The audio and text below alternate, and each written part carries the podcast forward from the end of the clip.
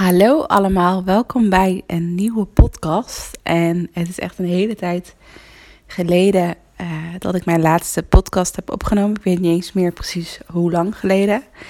Dus, dus al best wel een lange tijd geleden. En inmiddels is er best wel veel um, ja, gebeurd. Ik uh, ben uh, ongeveer ja, vijf à zes weken geleden bevallen van een zoontje. Hij heet Sky. Uh, op 13 juli uh, 2022 uh, ja, is hij geboren. En ehm, ik, momenteel ben ik dus nog, eh, heb ik nog zwangerschapsverlof.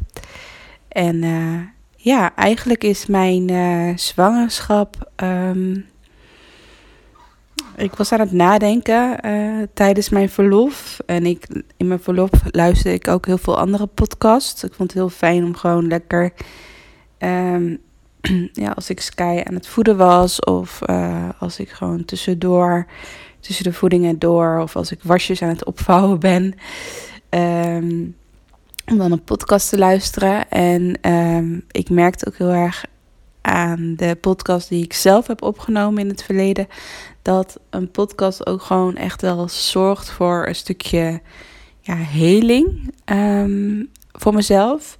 Maar ook gewoon dat je gewoon, ja, ik, ik vind een podcast ook gewoon een hele fijne manier van, um, ja, de dingen documenteren. Dus dat je eigenlijk, ja, echt je verhaal doet. Dat je uh, echt even gaat nadenken van wat zijn bijvoorbeeld mijn grootste lessen uit mijn zwangerschap of uit de bevalling of uit het moederschap. Um, en ja, de een vindt het bijvoorbeeld heel fijn om te schrijven in een journal of wat dan ook. En ik ben zelf iets minder van het schrijven. Dus ik vind het altijd wel heel erg fijn om gewoon ja, het hardop uh, in te spreken. In een, zoals een podcast. En uh, ja, het is natuurlijk ook fijn om je verhaal aan andere mensen te vertellen. Aan uh, vriendinnen of aan familieleden. En zo op die manier je verhaal elke keer te delen. En dat is natuurlijk ook helend. Um, maar um, ik merk het verschil van als je het bijvoorbeeld tegen een vriendin deelt of, of in een podcast of in een audiofragment eigenlijk. Dus eigenlijk dat je, je ja, een, op, een opname maakt voor jezelf. Je hoort trouwens geluidjes van uh, Sky uh, tussendoor. Ik ga heel even kijken of hij een, een speentje wil. Het ligt naast mij uh, in de box. Hij heeft net hij heeft net, wat, uh, heeft net zijn flesje gehad. En hopelijk gaat hij nu slapen, zodat ik gewoon lekker mijn uh, verhaal kan doen. Even kijken. Ja, in, tijdens het lopen uh, ging ineens mijn scherm draaien. Dus ik moet wel natuurlijk de goede kant, de goede microfoonkant aan mijn kant hebben. Zo, ik zit weer, dus ik ga weer verder. Um, maar ik vind het wel een verschil uh, hebben als je, laat me zeggen, je verhaal tegen een vriendin deelt. Dan ben je toch onbewust, heb je toch, um, ja, toch, ja, hoe zeg je dat? Ik merk heel erg dat als ik bijvoorbeeld, het ligt natuurlijk ook heel erg aan tegen wie je het deelt. Dus uh, ja hoe goed bijvoorbeeld de band is met je vriendin of wat dan ook. Um, maar dat je toch soort van een, ja, een soort van perfect verhaal wilt neerzetten. Zonder dat je dat echt heel puur en heel. Um, en zonder filters eigenlijk ja, deelt. En ik merk heel erg als ik gewoon in mijn eentje ben.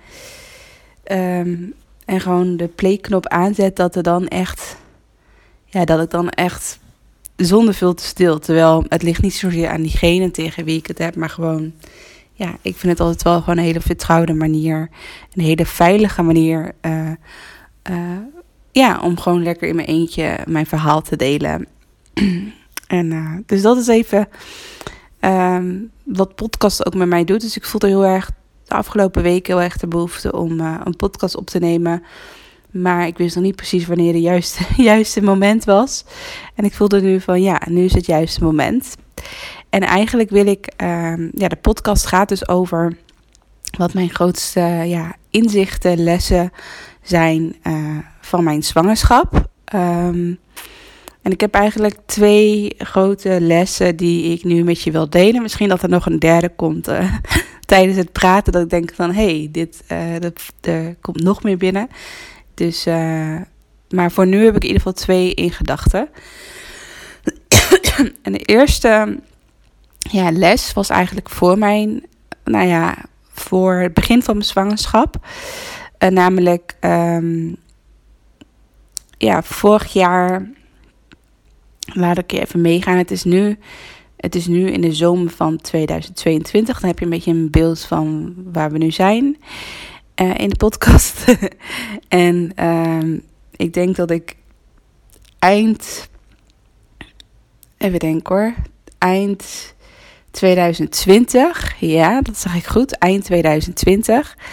Dit is dus vanaf nu ongeveer anderhalf jaar geleden. Um, eind 2020 had ik, laat me zeggen, opgeschreven in een notitieboekje van. Um, dat was dus ook in december. Dus toen was ik ook aan het nadenken van wat, wat zijn mijn doelen, mijn wensen, mijn verlangens voor volgend jaar. Toen had ik wel opgeschreven van dat ik wel steeds meer opensta voor het moederschap. Dat ik graag, uh, ja, dat ik graag een, uh, een kindje zou willen samen met mijn vriend Geoffrey. En mijn vriend had het al een paar keer ja, aangegeven dat hij ook daar ook voor open stond. En eigenlijk was het nog meer van mijn kant dat ik er nog niet ja, aan toe was. Ik, voelde wel heel erg van dat. Um, tenminste, ik heb altijd de wens gehad om moeder te worden. Dus ja, ik heb ook wel vriendinnen die bijvoorbeeld zeggen van ik weet, ik weet nog niet of ik wel überhaupt moeder wil worden. En ik heb wel altijd de wens en de verlangen gehad van dat ik dat altijd al wou. Ik was vroeger ook echt een, poppenmeisje. Ik was altijd bezig met de met, met, met poppen spelen, met verzorgen, uh, et cetera. En ik heb ook op een, op een hele longe, jonge leeftijd, toen ik uh, 12 was, heb ik ook een zusje erbij gekregen.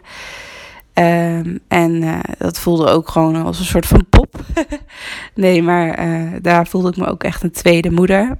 Dus ja, dat ik het heel erg leuk vond om mijn zusje te verzorgen, om op mijn zusje op te passen, et cetera. Dus dat, dat ja, moedergevoel, om het even zo te zeggen. Het moederschap, dat was wel altijd wel een van mijn grootste verlangens. En ik wist ja, eigenlijk altijd al van uh, dat ik graag moeder wilde worden. Maar wanneer? Wanneer de juiste timing is, wanneer je er echt klaar voor bent. Uh, dat is natuurlijk uh, de tweede vraag. En dat is eigenlijk een beetje de eerste, het eerste, eerste les die ik met je wil delen. Ik hoop dat je niet te veel last hebt van het de geluidjes die Sky maakt. Meestal is hij altijd een beetje onrustig als hij uh, in, uh, in slaap valt.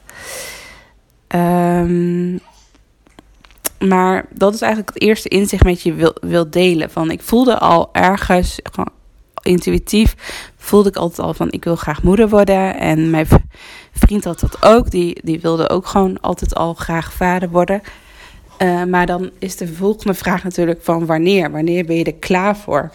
Of wanneer, ja, wanneer is je lichaam er klaar voor? Uh, uh, ja, dat soort vragen. Van, dan komt natuurlijk ook in mijn geval bijvoorbeeld ja, het stukje perfectionisme om de hoek kijken. Van dat je bijvoorbeeld eerst, ik had bijvoorbeeld echt wel een, soort van een lijstje in mijn hoofd van als ik dit lijstje heb afgewerkt, dan ben ik klaar voor het moederschap. En, uh, en ja, toch een beetje ook wel ja, een beetje die controlfreak. Van dat je ja, gewoon letterlijk een soort van lijstje gaat afvinken.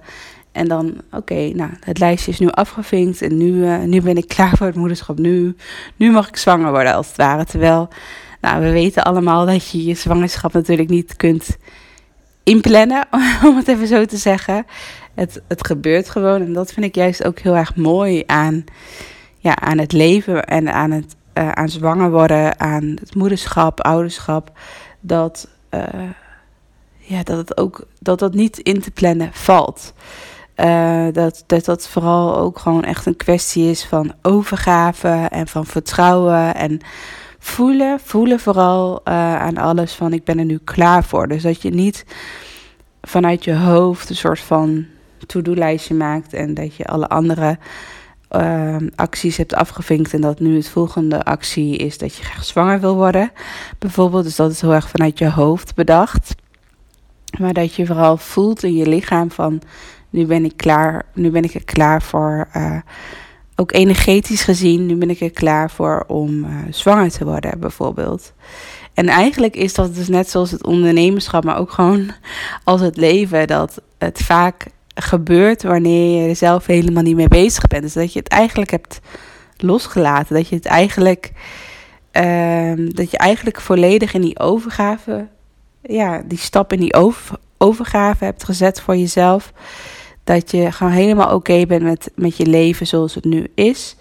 Dat je gewoon helemaal happy bent. Dat je ja, straalt. Dat je fijn in je energie zit. Dat je fijn en ja, dat je comfortabel. Uh, ja, dat je gewoon lekker um, ja, thuis bent in je eigen lichaam. Om het even zo te zeggen. Dat je gewoon lekker bent gezakt in je lichaam. En dat je dan ineens zo'n. Uh, dat je dan ineens voelt of hoort. Uh, uh, dus in mijn geval bijvoorbeeld dat je zwanger bent. Dat je, dat je dan een zwangerschapstest doet en dat je dan ineens merkt van hé, hey, ik ben zwanger. Of dat je um, nou, bijvoorbeeld iets anders in het ondernemerschap, als je bijvoorbeeld heel graag uh, nieuwe klanten wil. Of dat je, een, dat je al heel lang bezig bent om je aanbod te veranderen, maar dat je niet zo goed weet wat je focus is of waar je op wil focussen of wie je ideale doelgroep is. En dat je dat heel erg geforceerd aan het, ja, aan het bedenken bent met je hoofd. En dat je ja, allemaal boeken leest, podcast luistert. Um, ja, heel geforceerd eigenlijk bezig bent. En eigenlijk zodra je dat loslaat en gewoon, dat je gewoon helemaal kan voelen van ik ben helemaal oké met mijn bedrijf, met hoe het nu gaat, met de klanten die ik nu help, met mijn aanbod, et cetera. En dan ineens ping, krijg je dat idee of, of, of, ja, dan komt het ineens uh, op je pad. Dus dat vind ik altijd wel heel erg mooi van dat juist in die overgave of in die, in die, periode dat je het even niet weet, dat het gewoon even helemaal oké is, dat het gewoon even helemaal grijs is eigenlijk. Dat dan de mooiste inzichten of de mooiste cadeautjes eigenlijk op je pad komen. En zo is dat ook bij mij in het, um, uh, in, tijdens mijn zwangerschap uh, zo gegaan. Dat uh, natuurlijk, ik had al vorig jaar had ik al heel erg het verlangen van. Dat op een gegeven moment mensen ook aan mij vroegen van nou, wat, is, wat, zijn je, wat zijn je doelen voor volgend jaar? En ik voelde steeds meer van dat ik minder wou focussen op mijn bedrijf. Dus dat ik niet hele scherpe ambitieuze doelen had voor mijn bedrijf. Dat ik dacht van, weet je, mijn bedrijf is nu zo oké en ik hoef niet per se mijn omzet nu te verdubbelen. Of ja, ik voelde dat ik ook minder energie wou stoppen in mijn bedrijf. Terwijl de jaren daarvoor was mijn, was mijn bedrijf echt mijn kindje, om het even zo te zeggen. En daar ging al mijn tijd en energie in zitten. En ik vond het, ja, ik was heel ambitieus. Uh, dus ik vond het, ja, hoe, hoe, hoe harder ik groei, hoe beter het is. En ik voelde nu afgelopen jaar voelde ik heel erg van het is, ja, ik wil. Um, mijn bedrijf mag misschien wel iets meer op een wat lager pitje. Ik voel steeds meer de behoefte en de verlangen om, ja, om echt om, uh, om moeder te worden. Of dat, dat voelde ik heel erg. Dat dat gewoon, dat, dat daar steeds meer voor open stond. En um, dus dat zijpelde al een beetje zo ja, rond in, in mijn lichaam, om, om het even zo te zeggen. Dus dat ik steeds meer open stond voor het moederschap. En dat ik ook voelde van, als ik nu één doel mag stellen uh, voor mezelf, waar ik op wil focussen, om het even zo te zeggen, dan, voelde ik toch steeds meer van, ja, ik zou wel graag moeder willen worden. Um, dus dat was eigenlijk de, ja, de eerste stap, om het even zo te zeggen. En, uh, maar mijn hoofd, om het even zo te zeggen, die had nog heel veel stemmetjes. Dus ik, uh, ondanks dat ik voelde qua verlangen van, ik ben, ja, ik voel, ik voel dat ik graag moeder wil worden. Uh, had mijn hoofd allemaal stemmetjes van dat ik er nog niet klaar voor was. Onder andere bijvoorbeeld mijn lichaam. Dat ik dacht van ja, ik moet eerst nog afvallen. Ik wil een gezondere gezonde lichaam hebben voordat ik, laat me zeggen, aan het, aan, aan de zwangerschap begin. Of, of voordat ik zwanger ben eigenlijk. Dus, dus ik had, ja, het, ik had, laat me zeggen, het beeld van oké, als ik zoveel kilo bijvoorbeeld ben afgevallen, dan wil ik pas uh, zwanger worden. En ik had bijvoorbeeld ook financieel gezien, um, merkte ik ook van, nou, ik zou eerst bijvoorbeeld nog een aantal keer uh, bijvoorbeeld een goede lancering willen draaien in mijn bedrijf. Dat ik nog net wat meer een buffer heb opgebouwd. Dat ik, ja, dat ik financieel, mijn, ja, dat ik me financieel nog, nog veel meer vrijer kan voelen voordat ik um, ja, zwanger ben eigenlijk. Dus dat waren, laat me zeggen, twee belangrijkste punten. Um, waar ik een beetje tegenaan liep en waarvan ik dacht van, ja, als deze twee punten, als ik die voor mezelf heb afgevinkt, om het even zo te zeggen, dat ik voel van, oké, ik voel me nu, ik voel nu echt, ik voel me nu financieel vrij en uh, ik ben oké met mijn lichaam. Um, uh, ja, ik vertrouw mijn lichaam helemaal weer. Uh, dat gevoel. Uh, dan ben ik klaar voor het zwangerschap. En toen was het dus eind uh, 2021. Ja, het was een beetje in de herfstperiode, denk ik. Dat ik, ik had toen ook verschillende gesprekken. Bijvoorbeeld onder andere, ik had ook een coach op het gebied van mijn lichaam. Um, van zelf, ja, coach op het gebied van lichaam en zelfbeeld. En ik, uh, ik weet niet precies hoe het gesprek ging, maar toen vertelde ik dus weer van ja, dat eigenlijk mijn grootste verlangen is om moeder te worden. Maar dat ik, ja, dat ik eigenlijk eerst nog wil afvallen, et cetera. En toen zei zij ook van, uh, maar zijn er ook, ja, er zijn ook genoeg vrouwen die wel bijvoorbeeld uh, gewoon met misschien iets meer uh, gewicht, om het even zo te zeggen, ook zwanger worden. En die ook gewoon heel gezond een zwangerschap ingaan en, en een gezonde baby eh, te, ter wereld brengen, om het even zo te zeggen. Um, dus waarom zou jij dat dan niet kunnen of zo? Dus toen dacht ik wel weer van, oh ja, eigenlijk is het toch wel weer best wel een overtuiging die ik dan heb van, ik moet eerst afvallen en daarna ben ik pas klaar voor het moederschap. Uh, dus dat is eigenlijk best wel ja, een strenge overtuiging die ik voor mezelf heb bedacht. En ik dacht van ja, stel je voor dat ik dat dat, ja, dat, dat, dat ik echt eerst ga afvallen. Dan is natuurlijk ook de vraag van ja, wanneer ben je dan wel tevreden? Ben je tevreden als je 5 kilo afvalt of 10 of 20 kilo?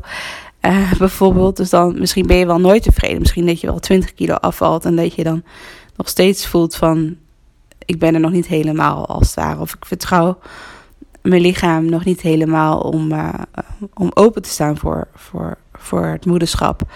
Dus het is ook weer zo heel erg ja, dat je doel of je, je acties, je overtuigingen eigenlijk, dat die heel erg ook gericht zijn op de buitenwereld. Um, en toen voelde ik dus ook wel van binnen van ja, eigenlijk, eigenlijk ben je er nooit echt helemaal klaar voor om bijvoorbeeld moeder te worden. Of in, in, het, in het geval van het ondernemerschap, van als je bijvoorbeeld wil kiezen voor een nieuw aanbod, of dat je je prijzen wil verhogen, of dat je een nieuwe doelgroep wil um, uh, aanboren. Dat je, dat, je, dat je een soort van moment zoekt, het ideale moment van nu ben ik er klaar voor. Maar waarschijnlijk ben je er nooit klaar voor. Uh, is het nooit het juiste moment? Uh, of als je ergens in wilt investeren, dat je dan denkt van oké, als ik zoveel geld op mijn spaarrekeningen heb, ik noem maar even wat, dan pas mag ik investeren in een, in een coach of in een in een nieuwe website bijvoorbeeld, of in een fotoshoot. Of ja, dat, in een fotoshoot is dat ook een mooi voorbeeld. Dat je dan eerst denkt van oké, ik wil eerst afvallen en dan pas ga ik een fotoshoot inplannen. Uh, ja, je bent, dat is gelijk al de eerste les. Je bent nooit ergens helemaal klaar voor. Dus het, zou eigenlijk, ja, het, het is gewoon zonde van je leven eigenlijk, van de kwaliteit van je leven. Maar ook bijvoorbeeld de kwaliteit van het ondernemerschap, van je, van je werk. Um, dat je eigenlijk wacht op het juiste moment, terwijl die juiste moment eigenlijk nooit komt. Dat, dat die moment, hoe jij het voor je ziet, het ideale plaatje in je hoofd, dat dat, dat, dat, dat ideale plaatje eigenlijk helemaal niet bestaat. En dat je dus ergens aan wil voldoen, terwijl dat, terwijl dat plaatje waarschijnlijk nooit goed genoeg is in jouw hoofd. En ook al werk je daar keihard aan om naar dat plaatje te streven in je hoofd, dat, dat, dat je dat moment nooit gaat bereiken. Want elke keer uh, word je kritischer, word je strenger, word je nog perfectionistischer. En ja, blijf je de hele tijd maar achter de feiten aanrennen. Dan elke keer als je dat plaatje dan een beetje hebt gerealiseerd, dan, ja, dan verschuif je dat plaatje zo wel weer dat, het, dat je er wel weer keihard voor moet werken, bijvoorbeeld. Dus, de, dus, dus, dus ja, één les die ik echt uit mijn zwangerschap heb gehaald is dat je er nooit helemaal klaar voor bent. Dat er altijd, dat je hoofd altijd wel dingen kan bedenken. Uh, dat je er nog niet klaar voor bent. Bijvoorbeeld voor in mijn geval het zwangerschap of iets anders wat je graag wilt gaan doen. Um, en dat besef had ik dus uh, in uh, eind 2000, of ja, een beetje in de herfstperiode van 2021.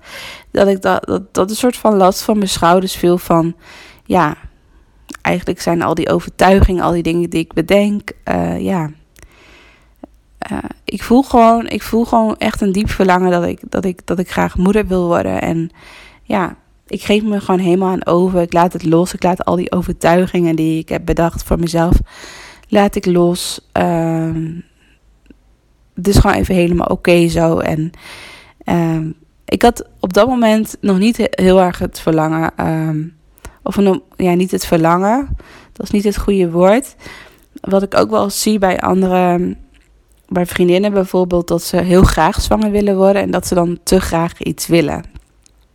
En dat gevoel had ik toen nog niet, omdat ik natuurlijk, ik zat nog heel erg in die overgang eigenlijk van al die overtuigingen die ik had. En daarna ben ik pas klaar uh, om zwanger te worden. Uh, naar de overgang, ik zat een beetje zo middenin van oké, ik voel dat ik die overtuigingen allemaal overboord mag gooien. En ja, als ik nu zwanger zou worden, dan is het helemaal oké. Dan, ja, dan, dan, dan, dan ben ik het gewoon.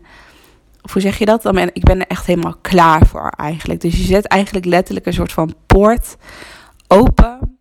Van oké, het is nu oké, ik ben er klaar voor om, uh, om het te ontvangen. En, maar die poort, het is ook echt wel een beetje zo'n energetische poort. Um, het is, laat maar zeggen, anders dan als je bijvoorbeeld heel graag zwanger wil worden. En echt al jaren bezig bent om zwanger te worden, bijvoorbeeld. Dat ligt natuurlijk heel erg. Ja, iedereen heeft natuurlijk zijn eigen pad, om het even zo te zeggen. Uh, maar dat je heel erg geforceerd eigenlijk eraan werkt. Dan, dus dan heb je misschien wel die poort openstaan. Maar energetisch gezien staat die poort nog niet open. Dus waarschijnlijk heb je ook nog bepaalde overtuigingen. Of voel je ergens nog in je lichaam van dat het nog niet helemaal veilig is dat het nog niet helemaal oké is om, om die energetische poort helemaal open te zetten. Terwijl je misschien wel mentaal gezien je poort helemaal hebt openstaan. En dat je al heel lang ermee bezig bent, bijvoorbeeld. Dus dat is wel nog even een verschil uh, wat, ik, wat ik graag nog wil delen in deze podcast. Dus ik voelde, laat me zeggen, een beetje in die herfstperiode voelde ik van oké, weet je, al die overtuigingen die ik heb bedacht eigenlijk slaat het nergens op. Um, ja, je bent er nooit helemaal klaar voor.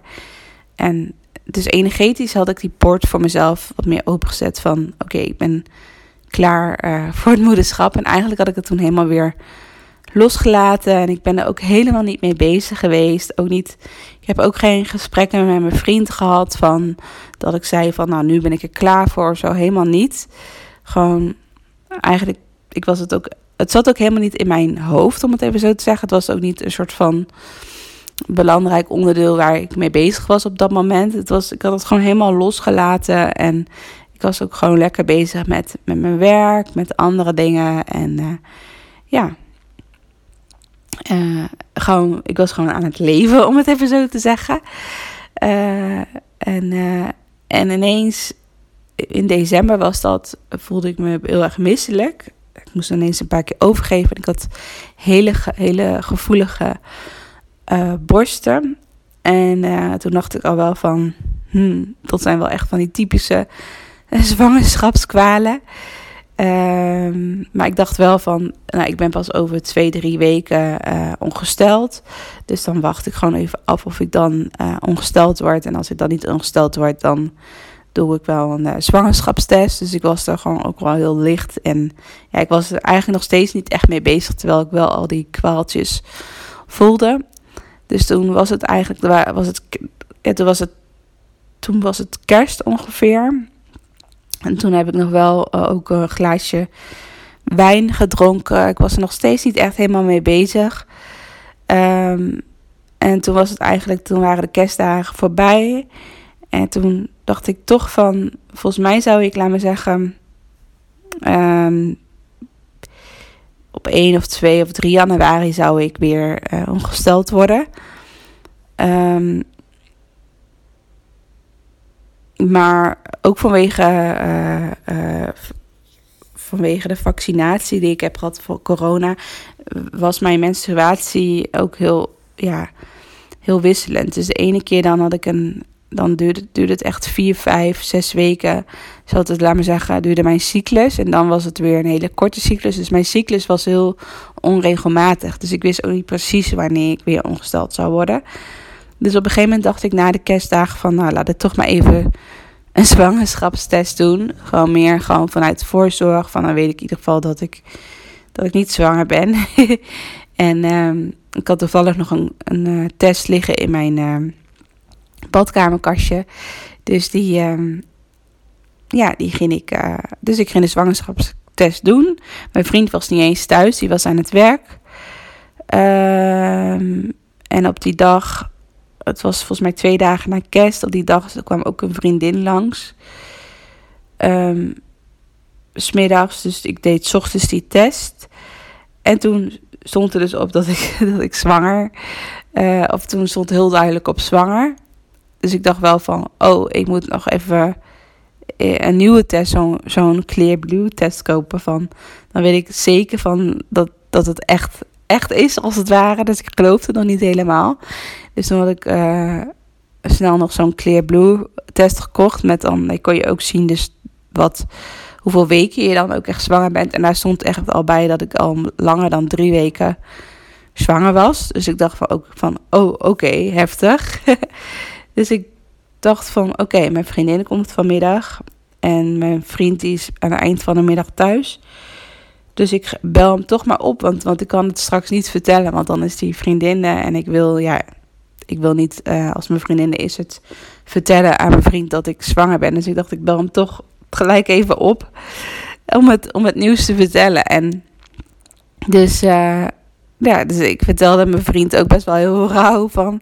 ik ben zwanger en uh, bij hem moest ook echt, echt wel echt, echt even het kwartje vallen. Bij ons allebei eigenlijk wel. Dus we moesten echt even wennen aan de situatie. Het moest echt even landen, letterlijk. Het, het was soort van, het kwartje was... Um, hoe zeg je dat? Uh, het moest nog echt even landen bij ons beiden. En dat pas echt een paar dagen later dat we de, toen pas echt aan het idee uh, gewend waren. En um, ja, wat ik dan wel heel erg mooi vind is dat. Uh, dat, en dat is dan een van de mooiste lessen die ik dan heb uithaal ook uit mijn zwangerschap. Is dat um, ja, dat je dan eigenlijk volledig in die overgave zit en dat het dan gebeurt. En dat het, ja, dat dan. Het was, het was wel echt mijn grootste wens uh, vorig jaar om zwanger te worden. En dat dan net die laatste dagen voor het nieuwe jaar, dat ik er dan toen, toen achter kwam dat ik al ruim drie, uh, vier weken zwanger was op dat moment. Dus dat, dat is, laat maar zeggen, uh, ja, een van de grootste lessen die ik eruit heb gehaald. Dat, dat je er eigenlijk nooit klaar voor bent en dat je Um, ja, dat die overgave en die energetische poort, dat je die voor jezelf echt openzet. Maar dat is echt anders dan, dan die mentale poort. Dus dat je hoofd misschien wel iets wil, maar ja, is je lichaam er ook echt klaar voor? Voel je ook letterlijk, letterlijk dat je er klaar voor bent? En mijn tweede uh, les uit mijn zwangerschap. Um, die ik ook graag met je wil delen, is dat ik naar me zeggen, en dat is helemaal aan het einde eigenlijk van de zwangerschap. Um, dat is weer de les van dat ja, luisteren naar je eigen lichaam. Klinkt zo cliché. en dat, die inzicht heb ik vorig jaar ook al echt opgedaan toen ik, uh, toen ik Reiki deed. De Reiki traject. Ik heb Reiki 1, 2 en 3. En de grootste inzicht is altijd van dat je, ja, dat je lichaam echt je kompas is. En ehm, als je toch vanuit je hoofd weer bepaalde keuzes gaat maken, dan roept je lichaam je wel weer terug. En uiteindelijk, ja, uh, als je gewoon naar je lichaam luistert, dan maak je echt de keuzes vanuit je hart. Dan maak je echt de juiste keuzes. Ehm, dus aan het einde van de zwangerschap. Um, ja, werd ik opgenomen in het ziekenhuis. Laat ik maar gelijk gewoon recht, uh, recht door zee gaan. en dat was heel onverwachts. Ik zag het totaal niet aankomen. Uh, werd ik opgenomen in het ziekenhuis omdat ik uh, ja, een zwangerschapsvergiftiging had. de syndroom HELP. De ziekte van HELP. Misschien ken je dat ook wel. Dat is best wel een ernstige vorm van een zwangerschapsvergiftiging. En dat kan dus heel schadelijk zijn, zowel voor de baby als voor de moeder. Um, dus ik werd eigenlijk, ja, toen ze, die, toen ze dat zagen bij mij van, hé, hey, jij hebt de ziekte van HELP, werd ik direct uh, opgenomen in het ziekenhuis en mocht ik ook niet meer naar huis. Dus dat vond ik sowieso al heel, heel heftig. Dat ik dacht van, waarom mag ik niet meer naar huis? Uh, dus dat was echt wel, dat kwam heel rauw op mijn dak. En um, eigenlijk de weken daarvoor, ik zal je even meenemen in de weken daarvoor, voordat ik werd opgenomen in het ziekenhuis. De weken daarvoor was ik al wel heel erg uh, moe. Um, ik deed vaak ook dutjes tussen de middag. Ik kon gewoon niet uren achter elkaar werken. Ik, uh, ja, ik moest gewoon echt op de bank liggen, want anders kon mijn lichaam het niet aan.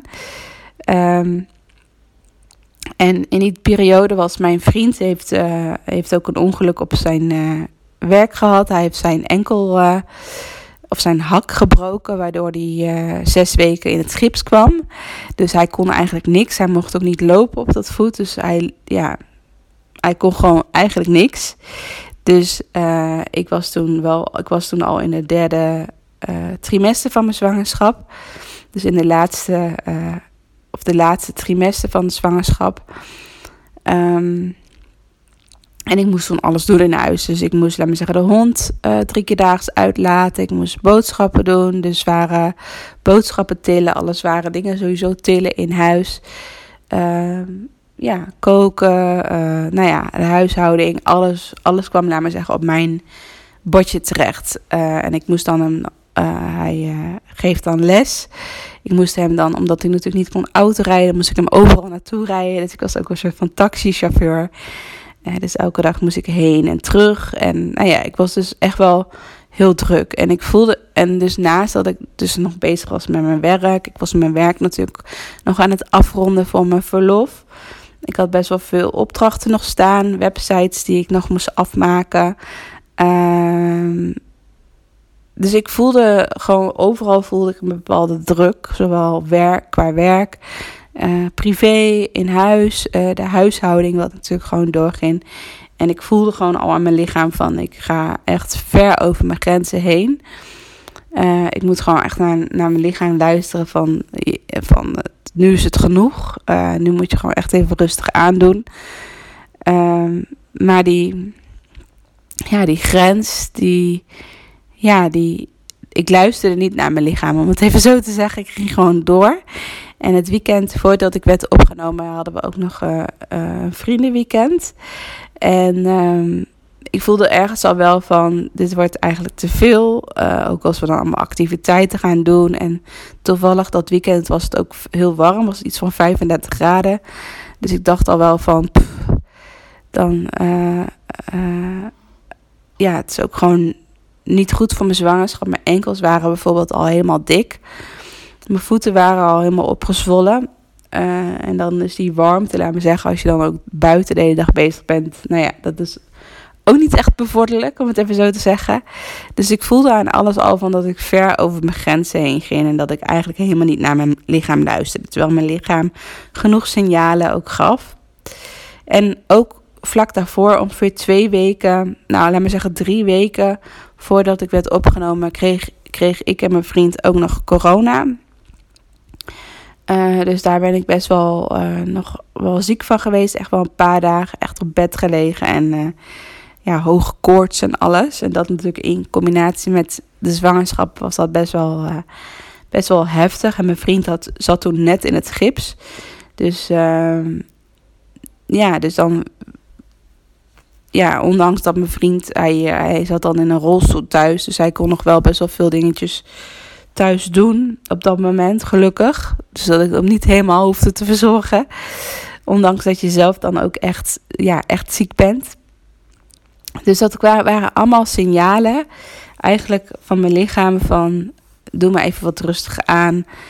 Uh, ga maar even volledig, ja, druk die handrem even helemaal in en uh, geef je Geef je lichaam echt even die rust die die nodig heeft.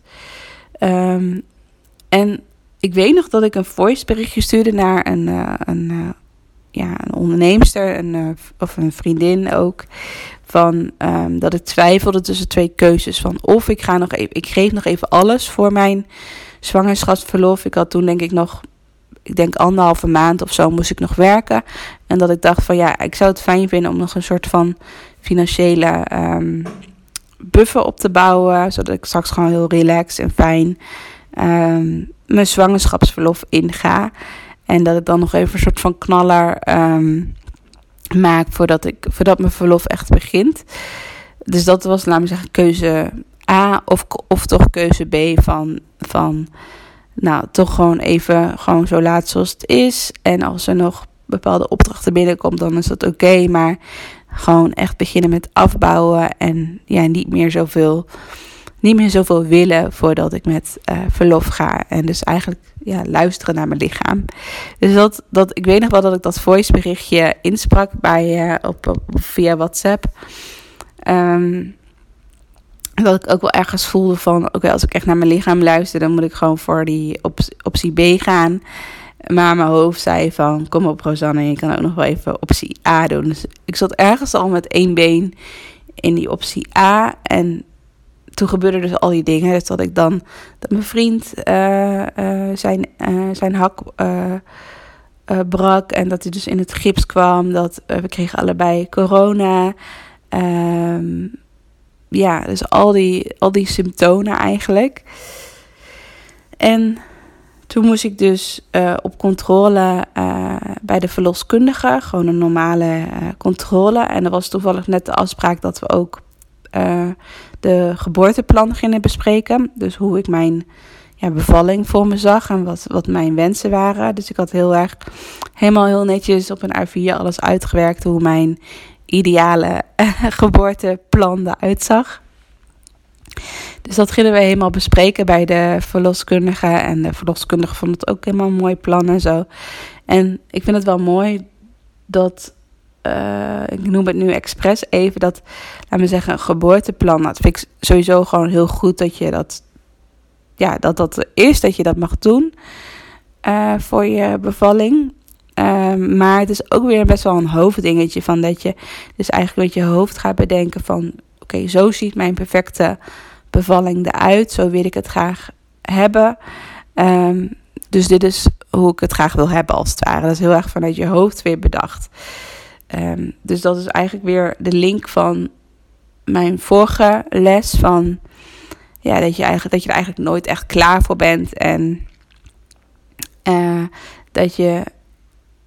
Uh, dat ik dus in de ideale vorm van.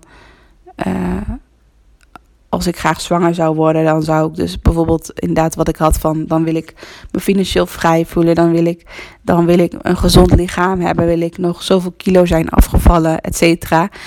Dat was toen, laten we zeggen, mijn perfecte plaatje. En nu was, laten we zeggen, het geboorteplan was dat perfecte plaatje eigenlijk. Dus eigenlijk ben je er nooit helemaal klaar voor, maar je hoofd wil toch een soort van die zekerheid, die controle hebben. Dus je, je schetst een soort van perfect plaatje van zo wil ik, zo wil ik uh, dat mijn bevalling gaat, of zo wil ik dat mijn zwangerschap gaat. Of in het geval van het ondernemerschap, ik vind het ook altijd ja, fijn, tof om die link uh, ook te leggen in het ondernemerschap. Dat je bijvoorbeeld een traject uh, een business traject voor jezelf bedenkt van oké, ik ga een traject uh, bedenken van zes maanden of van een jaar en dat komt dan zo uit te zien en, en dat plan kan je dan helemaal uitwerken tot een perfect ondernemersplan als het ware. Of tot een. Uh, nou, je snapt wat ik bedoel. Dus ik was daar bij de verloskundige samen met mijn vriend. En ik had netjes mijn geboorteplan uitgeprint. En mijn verloskundige zei nog van... Oké, uh, wat tof dat je dit... Of wat goed dat je dit helemaal hebt voorbereid. En helemaal hebt uitgeprint. En dat je helemaal je huiswerk hebt gedaan. Dat is een soort van... Een soort van ja, een soort van knipoog van uh, dat doen lang niet alle zwangere vrouwen, maar goed dat je dat allemaal hebt gedaan. Dus ik was ook dat weekend ervoor, voordat we bij de verloskundige waren, toen had ik ook allemaal, allemaal boeken gelezen, podcasts geluisterd. Dus ik had ook echt ja, optimaal uh, voorbereiding gedaan voor die geboorteplan, zodat ik gewoon ook filmpjes gekeken van verschillende bevallingen. Dus ik was helemaal uh, tot in de detail uh, voorbereid om, die, ja, om dat bevalplan te bespreken. Um, en toen, dus we hadden, we, we dus helemaal het bevalplan besproken. En toen zei ze van, oké, kom nog maar even zitten. Ik ga nog even je bloeddruk opmeten. Wat gewoon standaard procedure was tijdens de afspraak. Dat ik altijd me of dat, ja, dat je altijd even je, je bloeddruk uh, gaat controleren. En toen bleek dus dat ik op dat moment een hele hoge uh, bloeddruk had. En dat zij toch best wel schok. En dat ze zei van. Ze vroeg eerst van waren jouw andere, bij de andere afspraken. bij de andere controleafspraken was toen je bloeddruk ook zo hoog? Toen zei ik, nou, volgens mij niet. Dat kon ze ook wel zien in het systeem. En het was niet het geval. Dus de andere keren dat, uh, dat ik bij de verloskundige was, was mijn bloeddruk gewoon normaal. Dus ze schrok wel heel erg. En toen zei ze van eigenlijk wil ik, je, wil ik jullie nu doorsturen naar het ziekenhuis uh, voor extra controle. Uh, dus het was eind van de middag. En ze zei van ja, ik ga toch nu een afspraak maken in het ziekenhuis in, in Zwolle. Zodat jullie eigenlijk nu gelijk kunnen doorrijden uh, naar Zwolle om nog wat uh, verdere controles te doen.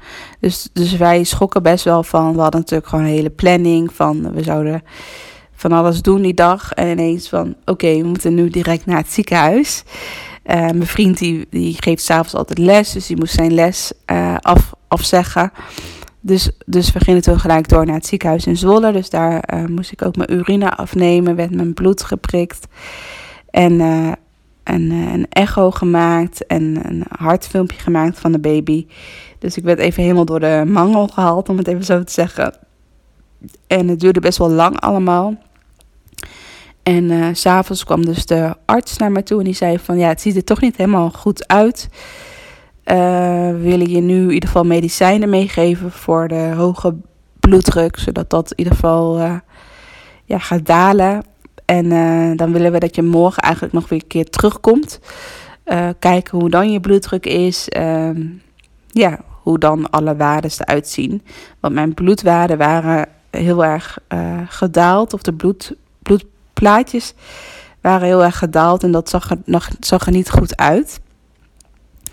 Dus ik mocht toen naar huis toe, maar ik moest wel gelijk de volgende ochtend weer terugkomen in het ziekenhuis. Dus dan moest ik eigenlijk weer al die controles weer opnieuw doen. En het zag er eigenlijk nog steeds niet uh, goed uit. En toen zei de arts, ik was dan ook samen met mijn vader, want mijn vriend was. Uh, oh nee, het was zo dat um, ik moest dus die gelijk die medicijnen slikken voor om mijn bloeddruk te verlagen. En een van die um, uh, eisen van de medicijnen was dat, dat je niet mocht autorijden. En mijn vriend zat natuurlijk in het gips, dus die kon sowieso niet autorijden. Dus ik mocht dus ook niet auto rijden. Dus ik, dus ik had mijn vader gebeld van... Goh, uh, zou, jou, zou jij mij morgen dan naar het ziekenhuis willen brengen? Dus mijn vader uh, had mij uh, naar het ziekenhuis gebracht. Dus we waren in de, in de ochtend in het ziekenhuis. En ik had gewoon ja, echt het gevoel van...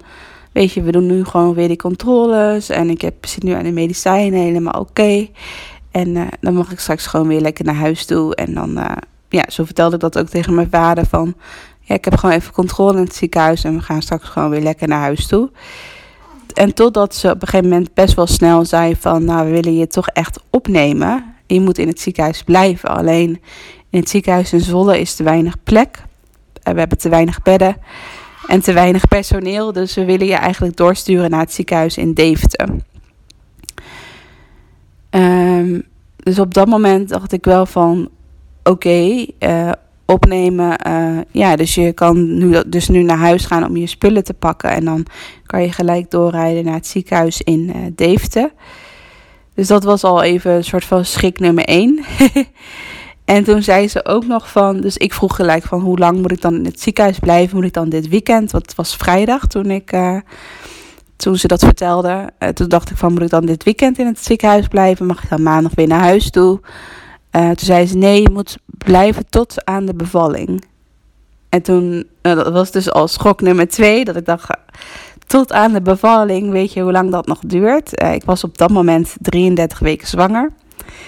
Dus ja, dus dan moest ik nog, uh, als ik dan tot week 40 zou moeten wachten, dan zou dat een eeuwigheid zijn dat ik in het ziekenhuis moest blijven.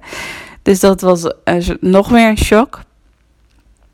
En uh, toen zei ze er wel bij van, uh, nou we wachten niet tot week 40, je wordt dan wel uh, ingeleid in week 37. Want dan is, het, dan is je baby gewoon al helemaal, ja dan is het gewoon oké om de baby te halen in week 37. Um, dus toen ging ik, laat maar zeggen, naar, naar, of toen belde ik mijn vriend op van ik word opgenomen. Ik moet nu zo meteen, ik kom zo meteen thuis. Ik moet mijn spullen pakken. En daarna moet ik naar het ziekenhuis in Deventer. En dan moet ik waarschijnlijk blijven tot week 37. En dan word ik ingeleid voor de bevalling. En het was ook dus echt een shock voor mijn vriend. Omdat mijn vriend zat natuurlijk op dat moment ook in het gips.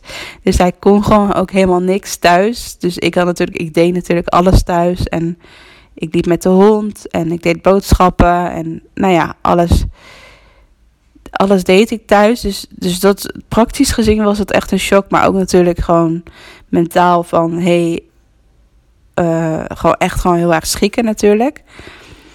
Dus um, ja, ik reed met mijn vader naar huis toe. Ik pakte mijn tas in. Dat was ook zo'n raar moment dat je echt gewoon ja, ik heb wel eens van die nachtmerries dat je dan heel snel je tas in moet pakken voor de vakantie. Dat je dan echt maar vijf minuten de tijd hebt om je tas in te pakken en dat je dan alles vergeet. Zo'n gevoel had ik ook een beetje van, oh, ik heb nu maar tien minuten of zo de tijd om mijn uh, tas in te pakken. Dus ik, uh, mijn vriend had net wat wasjes uh, in de wasmanden gedaan. Dus ik pleurde gewoon wat wasmanden, schone was op, op mijn bed. En ik pakte gewoon wat makkelijke uh, items eruit die gewoon comfortabel uh, zaten. Want ja, je ligt toch in het ziekenhuis, dus hoef je er ook niet mooi. Uh, je hoeft niet je mooie kleding mee te nemen. Dus ik had gewoon allemaal leggings en joggingsbroeken en fijne shirtjes uitgeplukt en dat in een tas gedaan. En toen ging ik dus naar het ziekenhuis toe in Deventer en daar lag ik dus een aantal weken. En uh, de eerste dagen was ik echt heel erg emotioneel. En ik, wist gewoon niet. Ik wist sowieso niet natuurlijk niet waar ik aan toe was. Uh, dus daar kwam ook echt die controlfreak. Uh, kwam me naar boven van. Ja, ik had een heel plan gemaakt voor de bevalling. En ineens wordt je plan soort van van de tafel afgeveegd. Um, ja, weet je gewoon niet hoe de toekomst eruit ziet. Ik had op dat moment, ik was dus 33 weken zwanger. Ik had dat, op dat moment was ik ook nog volop aan het werk. Dus ik had mijn laptop meegenomen naar het ziekenhuis. Van ik dacht van ja, ik moet wel mijn werk af kunnen ronden. Ik moet mensen berichtjes kunnen sturen. Um, ik moet nog de laatste wijzigingen kunnen doen uh, om de websites online te zetten. Uh, dus ik was nog best wel druk ook met, met. Ja, ik was nog helemaal niet met verlof. Met zwangerschapsverlof. Dus ik ik was eigenlijk ook best wel in paniek aan de ene kant. Aan de ene kant heel erg van, ik ben nog lang niet klaar uh, voor de bevalling eigenlijk. Uh, en aan de andere kant uh, gewoon heel emotioneel van, dacht van, moet ik dus echt nu een aantal weken, ruim een maand in het ziekenhuis blijven. En ik wil gewoon naar huis toe. Dus ook heel erg bepaalde angsten kwamen heel erg naar boven. Angsten die ik bijvoorbeeld ook heel erg in mijn kindertijd had. Uh, ik had bijvoorbeeld vroeger heel erg last van heimwee um, naar mijn huis, naar mijn moeder vooral. En dat gevoel, dat heimweegevoel, kreeg, kwam heel erg naar boven toen ik net in het ziekenhuis lag. Van, dat ik heel graag naar huis wou, dat ik mijn vriend miste, dat ik vooral mijn hondje ook heel erg miste. En uh, dat ik gewoon graag thuis wou zitten. En ja, ik, dat ik alleen maar, ik kreeg gewoon alleen maar stress, ook van in het ziekenhuis liggen.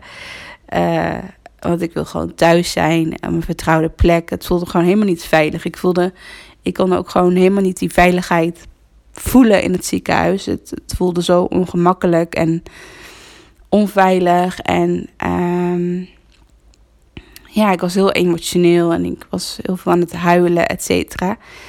Eh, en ik miste dus gewoon echt mijn huis, mijn hondje en mijn vriend. En gewoon alles, alles wat ik thuis heb. Dus, dus dan voel je je ook heel erg dankbaar wat je allemaal hebt thuis. Op zulke momenten wordt, ben je daar nog. Ja, dan is het, komt, wordt het heel duidelijk voor je wat je allemaal al hebt. En dat dat ineens ja, voor je wordt weggehaald eigenlijk. Dus de eerste dagen was ik eigenlijk nog best wel aan het rouwen. En had ik ja, heel erg last van heimwee. Vooral naar, naar huis. Dus op de derde dag op zondag.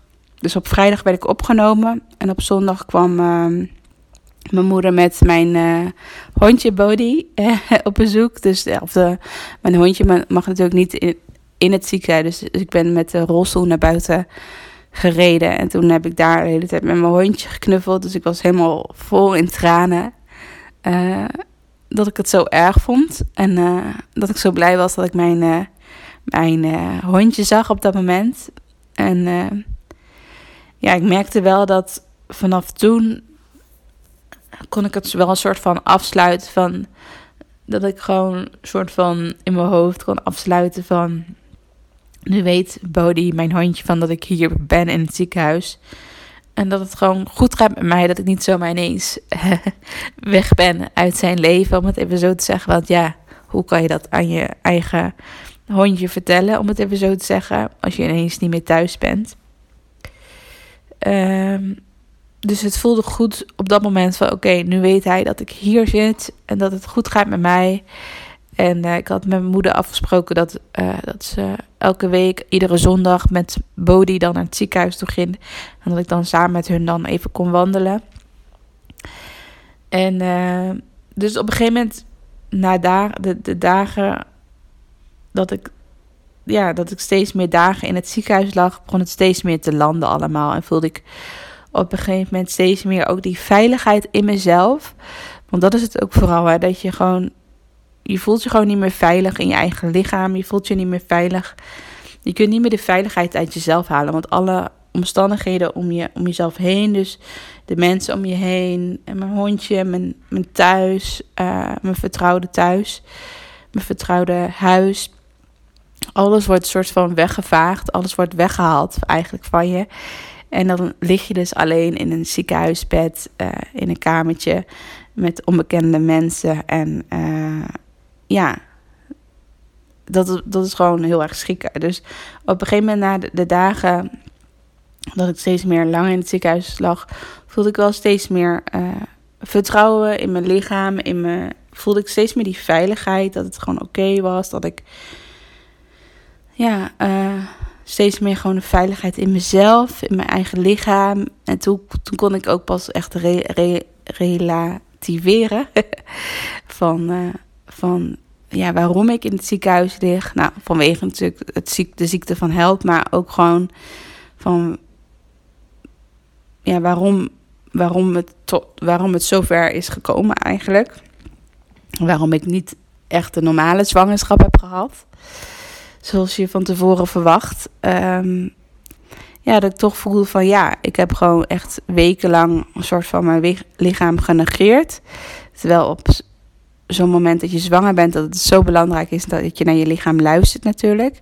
Ook omdat er natuurlijk een babytje in je, in je lichaam groeit. Um, ik ga ondertussen. Het is wel even anders zo'n podcast opnemen als er een baby naast je ligt. Je kan niet gewoon lekker ongestoord uh, praten. Ik ga weer. even een pintje weer in je mondje doen.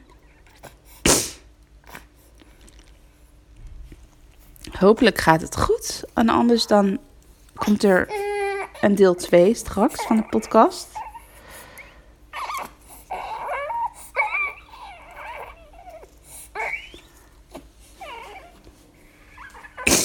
Volgens mij gaat het wel uh, goed. Ja, het gaat goed. uh, waar was ik gebleven? Ja, dus ik begon steeds meer te landen eigenlijk in het ziekenhuis. En uh, er kwamen op een gegeven moment ook allemaal vriendinnen en familieleden kwamen op bezoek. Dus ik voelde me ook gewoon heel fijn en gesteund. En dan op zo'n moment. Inmiddels heb ik verschillende opnames in mijn mobiel staan. Uh, omdat ik het elke keer moest onderbreken. Inmiddels ligt Sky bij mij op schoot. Um, was even helemaal verdrietig en heb ik hem getroost. En nu ligt hij uh, te slapen op mijn schoot. Dus hopelijk gaat het nu weer eventjes goed. Ik heb nog net even de laatste opname geluisterd van waar was ik gebleven.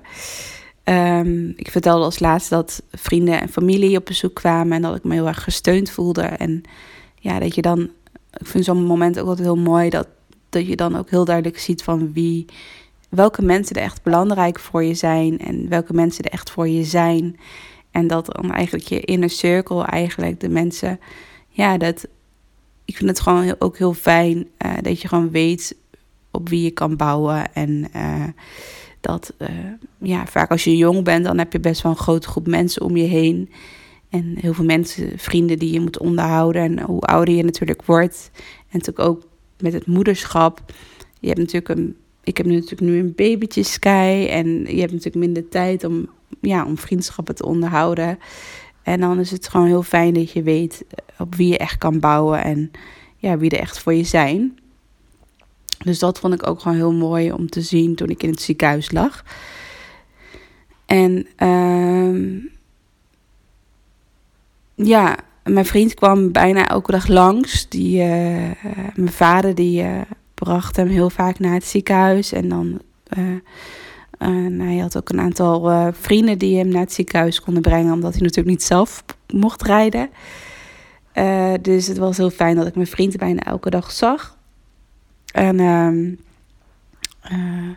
voor hem was het ook heel zwaar, want hij probeerde een soort van mij helemaal te ontlasten, omdat ik natuurlijk een hoge bloeddruk had en niet te veel stress mocht hebben en vooral moest ontspannen in het ziekenhuis, zodat ik uh, het nog een aantal weken volhoud en dat, dat Sky uh, niet eerder hoeft te komen. Um, dus hij probeerde, laat me zeggen, alles, alle lasten van mij af te nemen en ja, het zelf echt te dragen. Dus voor hem was het ook best wel een pittige periode dat ik en in het ziekenhuis lag en dat hij thuis met zijn enkel in het gips uh, alles draaiende haalde. De babykamer was ook nog niet af. We waren wel al best wel ver, maar er moesten nog best wel veel dingen gebeuren. En hij kon het natuurlijk heel moeilijk doen, omdat hij natuurlijk ja, niet echt mobiel was. Dus, dus uh, we hadden wel bijvoorbeeld ledikantje, die, die lag nog in de doos. Uh, de kast moest nog helemaal in elkaar gezet worden. Dus hij heeft dat allemaal ja, in de avonduurtjes heeft hij dat toch gedaan met zijn enkel in het gips.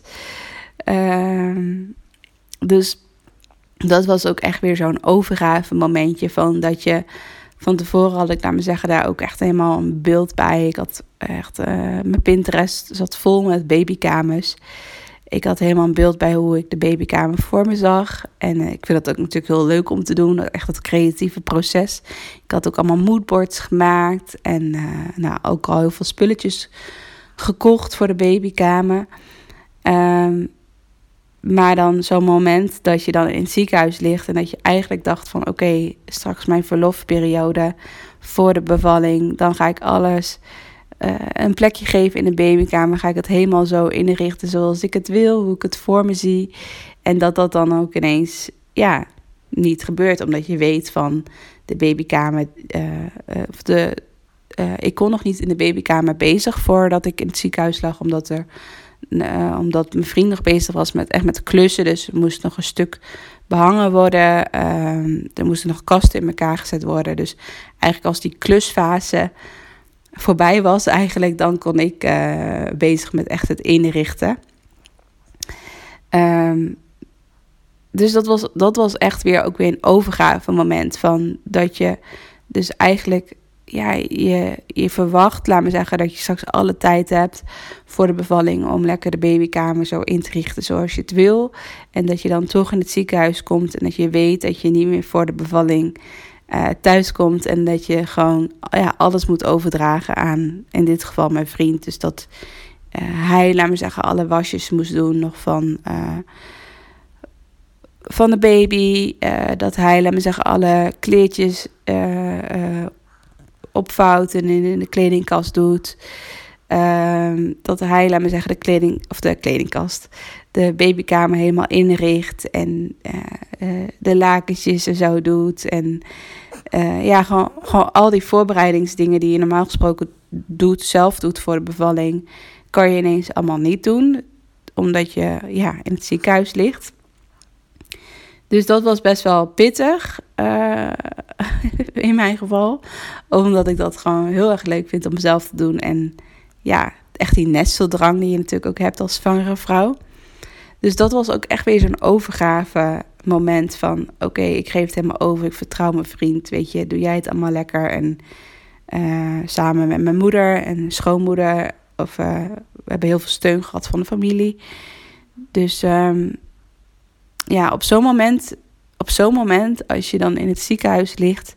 dan pas voel je je echt gedragen. En ik heb het ik heb al het afgelopen jaar, voor mijn zwangerschap, merkte ik al heel erg. De, ik heb daar ook een podcast volgens mij voor opgenomen over dragen en gedragen worden. Dat ik um, steeds meer me liet dragen. Ook, ook uh, privé, maar ook zakelijk. Dat, um, ja, dat je niet alles alleen hoeft te doen. Dat je niet. Uh, ik was, laat me zeggen, heel erg jarenlang ook in mijn onderneming dat ik alles alleen deed. En uh, ook privé, dat ik alles alleen wou oplossen en dat ik nooit hulp vroeg, et cetera. En het laatste jaar, eigenlijk voor mijn zwangerschap, heb ik steeds meer uh, hulp gevraagd. heb ik steeds meer hulp gevraagd om me heen, et cetera. Dus die les was al aardig overgekomen. Dat je het niet helemaal alleen hoeft te doen. Maar in het ziekenhuis was dat ook weer gewoon echt weer een les in de praktijk. Dat je gewoon, ja, je hebt gewoon geen andere keuzes. Dus dan pas. Um, ja, dan pas leer je echt die les. Dat je wel, je kan in je hoofd wel bepaalde dingen bedenken van oké, ik laat me nu wat meer dragen. Maar dan pas, ja, dan pas is het echt in de praktijk zo. Dus het voelt aan de ene kant heel goed om gewoon me te laten dragen en niet alles zelf, zelf te hoeven dragen. En um, ook in mijn werk, uh, want ik was dus nog niet met verlof. Dus ik moest gewoon echt berichtjes, ik, voice berichtjes stuurde ik naar klanten via WhatsApp van dat ik het me niet lukte om de website af te maken voor mijn verlof. En dat voelde echt als falen in het begin. Dat ik echt dacht van, oh, ik wou zo graag de website afmaken voor mijn verlof. En nu moet ik gewoon een berichtje sturen dat het niet kan. En ik wil een klant niet teleurstellen. Ik wil een klant geen pijn doen. Dus dan komt er echt dat please gedrag naar voren. En ja, dan is het echt, als je, als je zo tot zo'n punt komt, dat, ja, ik zie dat echt als een hele grote les van, ja, dat je dan echt, als je, als je op dat moment echt voor jezelf kiest en echt jezelf op nummer 1 zet, um, en je gezondheid op nummer 1 zet, dan komt er ook zo'n kracht vrij dat voelde ik gewoon dat ik zoveel vertrouwen voor mezelf, zoveel liefde voor mezelf. Dat deed me zo goed. Maar dat punt om daar overheen te komen, die drempel eigenlijk die je dan over moet. Die hele hoge drempel van echt dat, dat, dat je hoofd allemaal stemmetjes heeft van je faalt. En nu zijn klanten boos of nu, nou ja, alles wat je kan bedenken. Nou, dat is natuurlijk heel moeilijk om dan gewoon een berichtje te sturen naar klanten van dat het niet meer lukt. Uh, voor mijn verlof. Dus ik had iedereen een voice berichtje gestuurd. En ja, dat was toen s'avonds. Uh, ik, of ik, zat toen, ik was toen naar buiten gegaan. Ik zat op een bankje uh, buiten in het ziekenhuis. En ik had mijn mobiel bij me. En ik had iedereen uh, via WhatsApp een voice berichtje gestuurd. Wat de situatie is waar ik, ja, dat ik in het ziekenhuis lag. En dat het mij gewoon niet lukte. En dat ik gewoon ja, dat de komende twee weken nog achter mijn laptop zit. Echt nog de laatste dingetjes afronden. Want het voelde ook niet fijn om gewoon ineens zo uit het niks te stoppen met mijn werk. Dus ik was nog wel uh, elke dag ongeveer een uurtje, uurtje, twee uurtjes aan het werk. Om gewoon echt nog die kleine dingetjes af te ronden die me niet te veel energie kosten. maar ik kon sowieso geen websites meer bouwen. Dus echt het creatieve stuk in mijn werk, dat kon ik gewoon niet meer oppakken. Want daar had ik gewoon geen ruimte meer voor in mijn hoofd. Ik was zo moe en uh, ik had zo weinig energie. Dus ik kon gewoon alleen de hele simpele kleine, kleine taakjes kon ik nog afronden. En, uh, dus dat heb ik gedaan voor een aantal klanten. Dus ik heb een aantal klanten konden gelukkig nog online gaan. Want daar moesten echt nog, nog maar hele simpele dingetjes voor gebeuren. Dus dat voelde wel goed om, om nog ja, gewoon om die laatste puntjes nog te doen. En een aantal klanten heb ik dus uh, uh, afgesproken om, om na mijn verlof verder te gaan. En ook, ja, ook gewoon heel eerlijk van, ja, stel je voor dat ik nu alsnog een soort van ga pushen om een website af te maken, dan, dan krijg jij niet de mooiste website, want daar zit niet mijn, ja, die energie klopt dan niet. Uh, er zit niet mijn, uh, hoe zeg je dat? Mijn, ja, waar ik normaal gesproken zo goed in ben, dat kan ik nu niet in een website leggen. Uh, dus dan krijg je gewoon waarschijnlijk gewoon een simpele website. Gewoon puur omdat ik iets moet afmaken. Uh, maar niet de website ja, waar jij destijds voor hebt gekozen om met mij samen te werken. Dus het voelde gewoon heel goed om dat uh, uit te stellen. En ik kreeg alle begrip van al mijn klanten. En iedere klant was super aardig en ja, liefdevol. En ja, ik ben er heel erg blij mee. En dan, dan pas besef je ook van hoe fijn je klanten zijn, hoe fijne, ja, dat, dat, dat, dat je al echt met je lievelingsklanten samenwerkt. Dat wordt dan weer extra bevestigd. Um, dus dat was ook weer een hele mooie les van overgave. Van dat niet alles af hoeft voor mijn verlof. Dat, uh, dat je altijd eerlijk en transparant kan zijn naar je klanten. En dat, ja, nou ja. Um, dat, laat me zeggen, mijn mooiste werk. Uh, dat dat alleen tot uiting komt als ik gewoon echt goed in mijn energie zit. Als ik echt, echt aanwezig ben in mijn lichaam. Als ik gewoon goed voor mezelf zorg. Als ik mezelf op nummer 1 zet. En, uh, en dat dan echt mijn creativiteit gaat stromen. In plaats van dat ik dingen ga pushen of ga afmaken. Omdat er een bepaalde deadline zit. Dus uh, ik werk eigenlijk ook nooit met deadlines als ik met klanten ga samenwerken. Van, um, ja, omdat ik heel erg geloof dat, ja, dat je creatieproces echt mag laten ontstaan. In plaats van dat je dat helemaal gaat plannen uh, voor de toekomst. Dus het was heel fijn om, uh, om mijn werk zo op die manier toch nog goed af te ronden. Uh, en dat ik gewoon heel eerlijk en transparant kon zijn tegen al mijn klanten. En dat ik alle begrip kreeg. Dus laat maar zeggen, de, de dag dat ik in het ziekenhuis lag, de eerste dag, uh, de eerste twee weken. even denken hoor.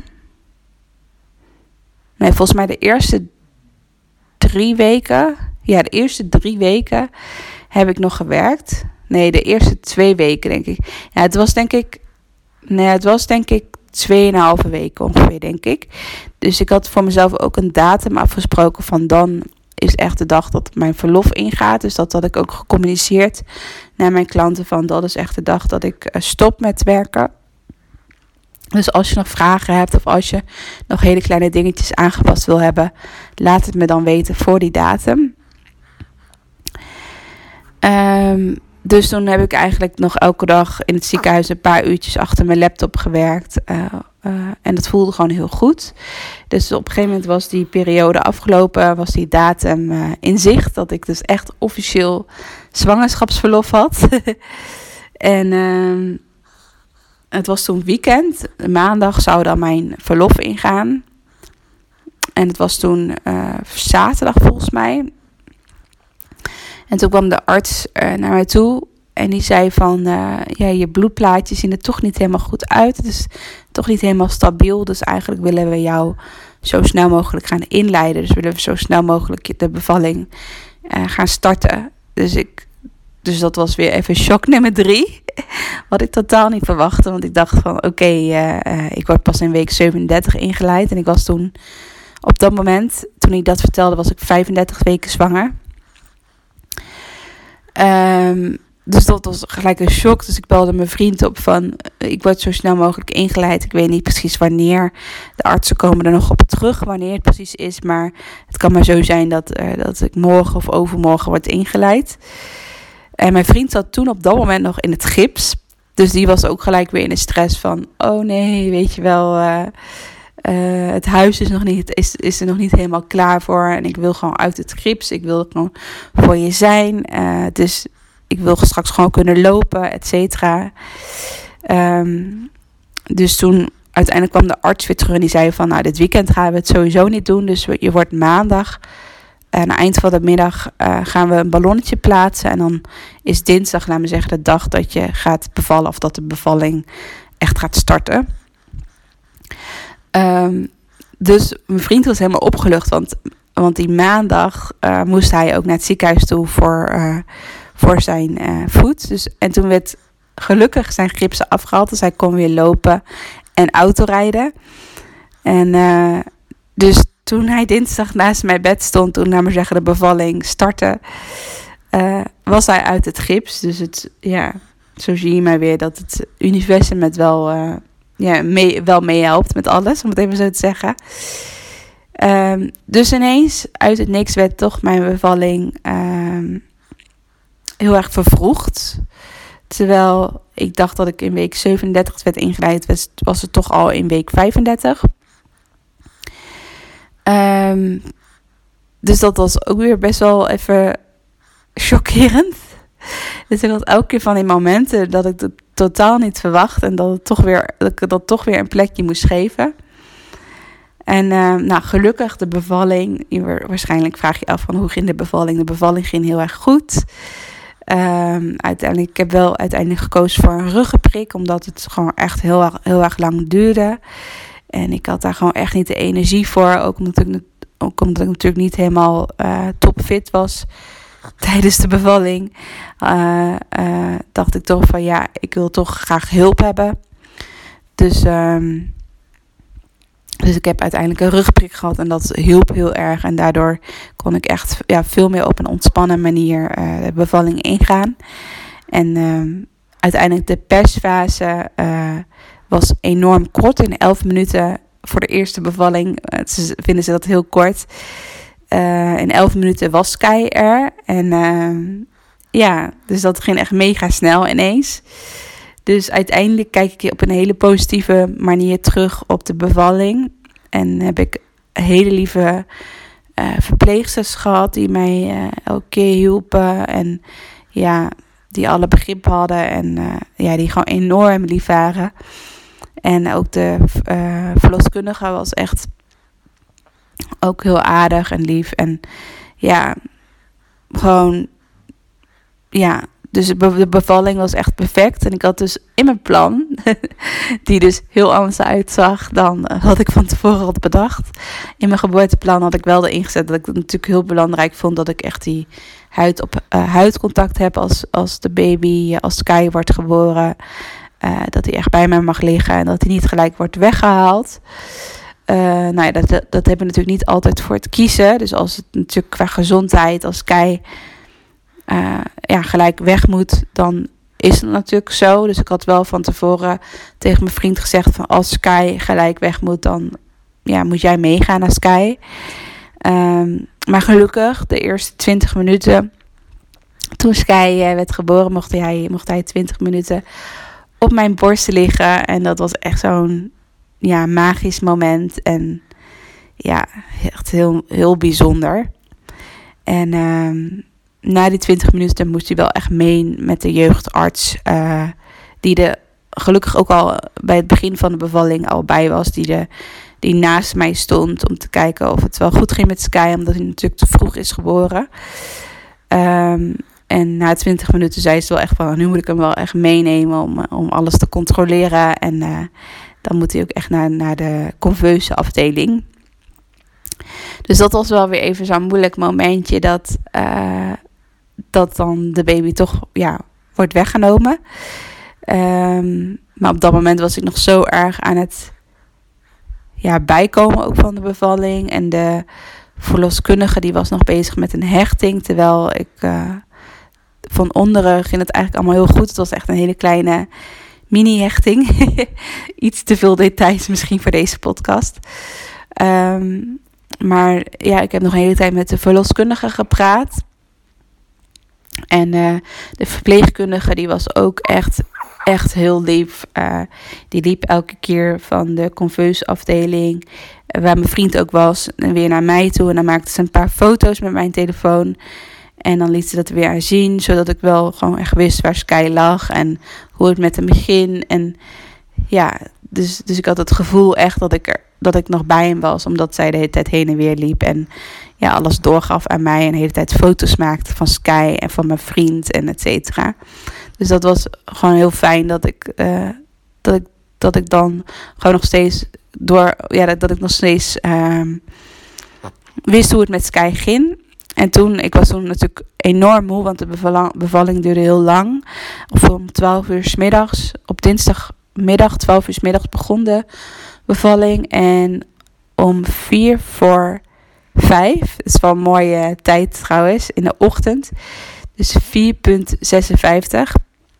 werd Sky geboren. Dus, uh, dus dan kan je wel nagaan hoe lang, uh, hoe lang de bevalling heeft geduurd. Um, Um, ja.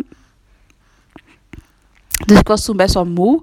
Dus toen, laat me zeggen, de hechting erin zat. En uh, ik. Uh, met Sky ging het goed, et cetera. Toen, kwam uiteindelijk mijn vriend nog terug. En mijn vriend was ook enorm moe. Dus die uh, we hadden toen mijn ouders gebeld. Zijn ouders, onze zusjes. En toen is mijn vriend naar huis gegaan om, om ook te slapen. En toen heb ik ook nog een paar uurtjes geslapen. En toen ik, uh, ik werd denk ik rond de uur of negen in de ochtend wakker. En toen vroeg ik dus echt van aan de verpleegkundige van mag ik nu wel douchen? Want ik voel me zo ja, smerig. Of ja, ik voel me zo... Uh, uh, want ik mocht niet gelijk douchen, omdat ik natuurlijk... Ja, ik zat aan de infusen en ik had natuurlijk de ruggenprik gehad. Dus ja, dat kon allemaal niet gelijk. Ik had ook een katheter. Dus op een gegeven moment hielp zij dus mee mij naar de badkamer zodat ik kon douchen. Toen was ik nog wel heel erg duizelig onder de douche. Uh, dus ik moest alles wel heel rustig doen, op heel rustig tempo. En toen ben ik uiteindelijk weer schoon in een schoon bed gaan liggen. En toen mocht ik met dat bed naar de conveuze afdeling waar Sky lag. Dus uh, toen heb ik de hele ochtend uh, met Sky op mijn borst gelegen. En heeft de lactatiekundige nog geholpen om gewoon te proberen van hoe het is om aan de borst uh, aan te leggen. En heb ik nog even gekolfd. En toen kwamen er ook zelfs een paar druppeltjes melk uit mijn borst tijdens het kolven. Dus dat was allemaal wel heel bijzonder. Um, en dat heel fijn dat ik gewoon dat Sky uh, de hele tijd bij mij mocht liggen. En dat ik eigenlijk toen ik in het ziekenhuis lag, uh, dat ik gewoon elk moment, laat me zeggen, op de bel kon klikken. En dat de verpleegkundige kwam. En dat ik zei van ik zou nu graag naar Sky willen. En dat ze me dan eigenlijk gelijk uh, met, uh, met het ziekenhuisbed naar Sky toe brachten. Dus dat was wel heel fijn dat ik nog een paar dagen in het ziekenhuis kon blijven. En dat ik eigenlijk elk moment naar Sky toe kon gaan. dus ik heb toen heel veel momentjes bij Sky doorgebracht.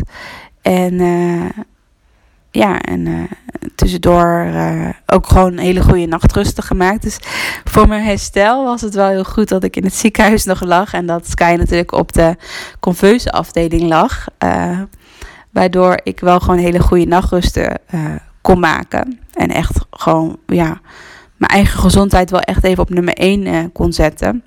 En uiteindelijk kreeg ik het goede nieuws dat ik naar huis mocht. Sky nog niet, maar ik wel. Dus het was een heel dubbel gevoel dat je dan eigenlijk nog zonder baby, uh, ja, zonder baby uh, naar huis gaat. Maar ik was zo blij dat ik weer naar huis mocht. Dus het was aan de ene kant verdrietig natuurlijk dat je niet dat beeld wat je hebt, dat je, laat me zeggen, met je baby in een maxi dat je naar huis toe gaat als je uit het ziekenhuis komt. Dat beeld heb ik natuurlijk niet. Maar ik was zo enorm blij dat ik naar huis mocht, omdat ik natuurlijk ruim drie drieënhalve week in het ziekenhuis had gelegen. En ik was zo blij dat ik weer mijn eigen bed mocht slapen. Dat ik mijn hondje weer zag. Dat ik weer al mijn spulletjes zag, et cetera. Dus ja, ik was gewoon echt enorm blij. Uh, ondanks dat natuurlijk dat ik dat, dat Sky nog niet mee mocht naar huis. Ehm, en wat ik toen wel heel erg fijn vond, is dat toen eigenlijk nog een beetje een soort van mijn verlofperiode begon. Wat ik dus eigenlijk had gemist voor mijn bevalling. Want, oh ja, dat had ik vergeten te vertellen. Dat die maandag, ik had dus een datum geprikt, van dan begint mijn uh, verlof. En ja, en diezelfde maandag werd ik dus ook ingeleid. Dus ik heb eigenlijk helemaal geen verlof gehad voor mijn bevalling. Want eigenlijk gelijk twee dagen uh, later is Sky geboren. Dus ik heb nu na de bevalling wel extra veel tijd natuurlijk. Uh, extra veel uh, verlof. Um, maar wat ik wou zeggen is dat in de periode dat ik dus weer naar huis mocht, maar Sky nog op de, op de afdeling lag, uh, vond ik ook wel weer een hele fijne tijd aan de ene kant. Uh, in het begin vooral. Dat ik gewoon thuis gewoon nog echt kon aanrommelen. Omdat ik die periode, natuurlijk helemaal had gemist. Dat ik namelijk zeggen kleedjes kon opvouwen. Dat ik zijn kamertje kon inrichten. Dus ik had nog allemaal dingetjes online uh, besteld. En ik had, ja, ik kon gewoon nog op mijn gemakje alles een plekje geven. Dat vond ik gewoon heel fijn voordat Sky thuis kwam. Dat ik niet zo ineens ja, in een soort van onvoorbereid huis thuis kwam met een baby. Dus dat vond ik heel fijn. Dus echt nog even die nesteldrang die ik had. Uh, alles opruimen, schoonmaken, et cetera. Uh, nou, ik was gelukkig toen al wel weer redelijk hersteld van de bevalling. Want, ik, uh, want woensdagochtend ben ik bevallen en zaterdag aan het eind van de middag mocht ik naar huis toe. Dus de eerste dagen heb ik ook vooral nog gewoon op bed gelegen in het ziekenhuis. Dus ik was wel, uh, ik heb wel genoeg rust genomen, om het even zo te zeggen. Mm, dus de eerste dagen dat ik thuis vond, vond ik het heel fijn. Toen ben ik, toen ben ik samen met mijn vriend twee keer daags gingen we naar het ziekenhuis toe, naar Sky, om hem te voeden en ja, hem te verzorgen. En op een gegeven moment, toen ik dus een paar dagen thuis was, toen voelde het wel weer heel erg van, ja, wanneer komt Sky thuis? Nu mag Sky ook wel thuiskomen. Nu ben ik er klaar voor dat Sky ook naar huis mag.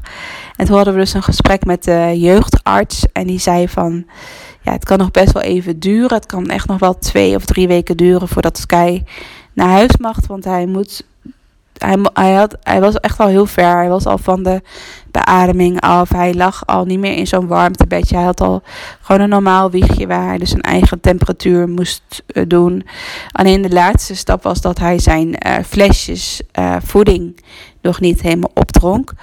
Dat hij best wel veel liet staan en dat hij ook best wel veel overgaf. En dat hij dus via de zondevoeding nog heel veel voeding binnenkreeg. En ja, dat moest gewoon echt beter hij moest gewoon echt zijn flesjes helemaal opdrinken.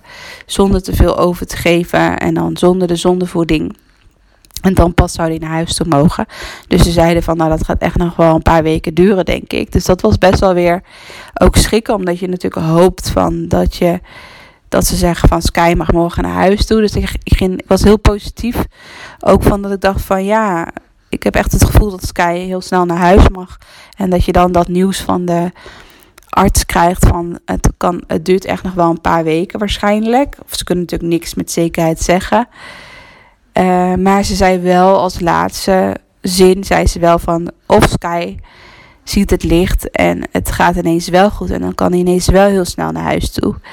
Dus toen dacht ik wel van, ik had nog wel ergens dat hoop, zo'n sprankje hoop van, ik hoop dat hij het licht ziet. Dus toen ik ook thuis kwam, toen heb ik ook... Um, en reiki gedaan. Dat had ik al heel lang niet gedaan. Reiki bij mezelf, maar ook reiki in mijn handen, tussen mijn handen.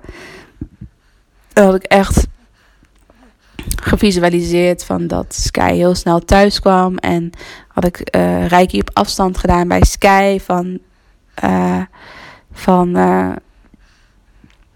ja, uh, dus dat had ik allemaal gedaan. En uh, toen had ik op een gegeven moment ook wel weer een plekje gegeven. Oké, het is oké dat hij dan nog een paar weken uh, blijft. En toen hadden we ook net een gesprek met een maatschappelijk werker in het ziekenhuis. Dat ik dacht van ja, het is ook goed om samen, samen met mijn vriend, om gewoon even ons verhaal bij iemand te doen. want het is best wel heftig. Ik heb eerst dus een paar weken gewoon natuurlijk voor mijn bevalling heel veel dingen meegemaakt. En dan na, ja, na de bevalling dat je, dat je maar zeggen, niet gelijk je baby mee naar huis kan nemen. En dat hij echt nog een tijdje in de conveuze afdeling uh, ligt.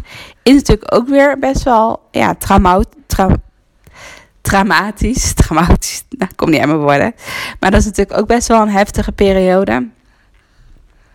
Dus ik dacht van ja, het is wel goed om met maatschappelijk werken te praten. Dus, dus we hadden ons hele verhaal gedaan.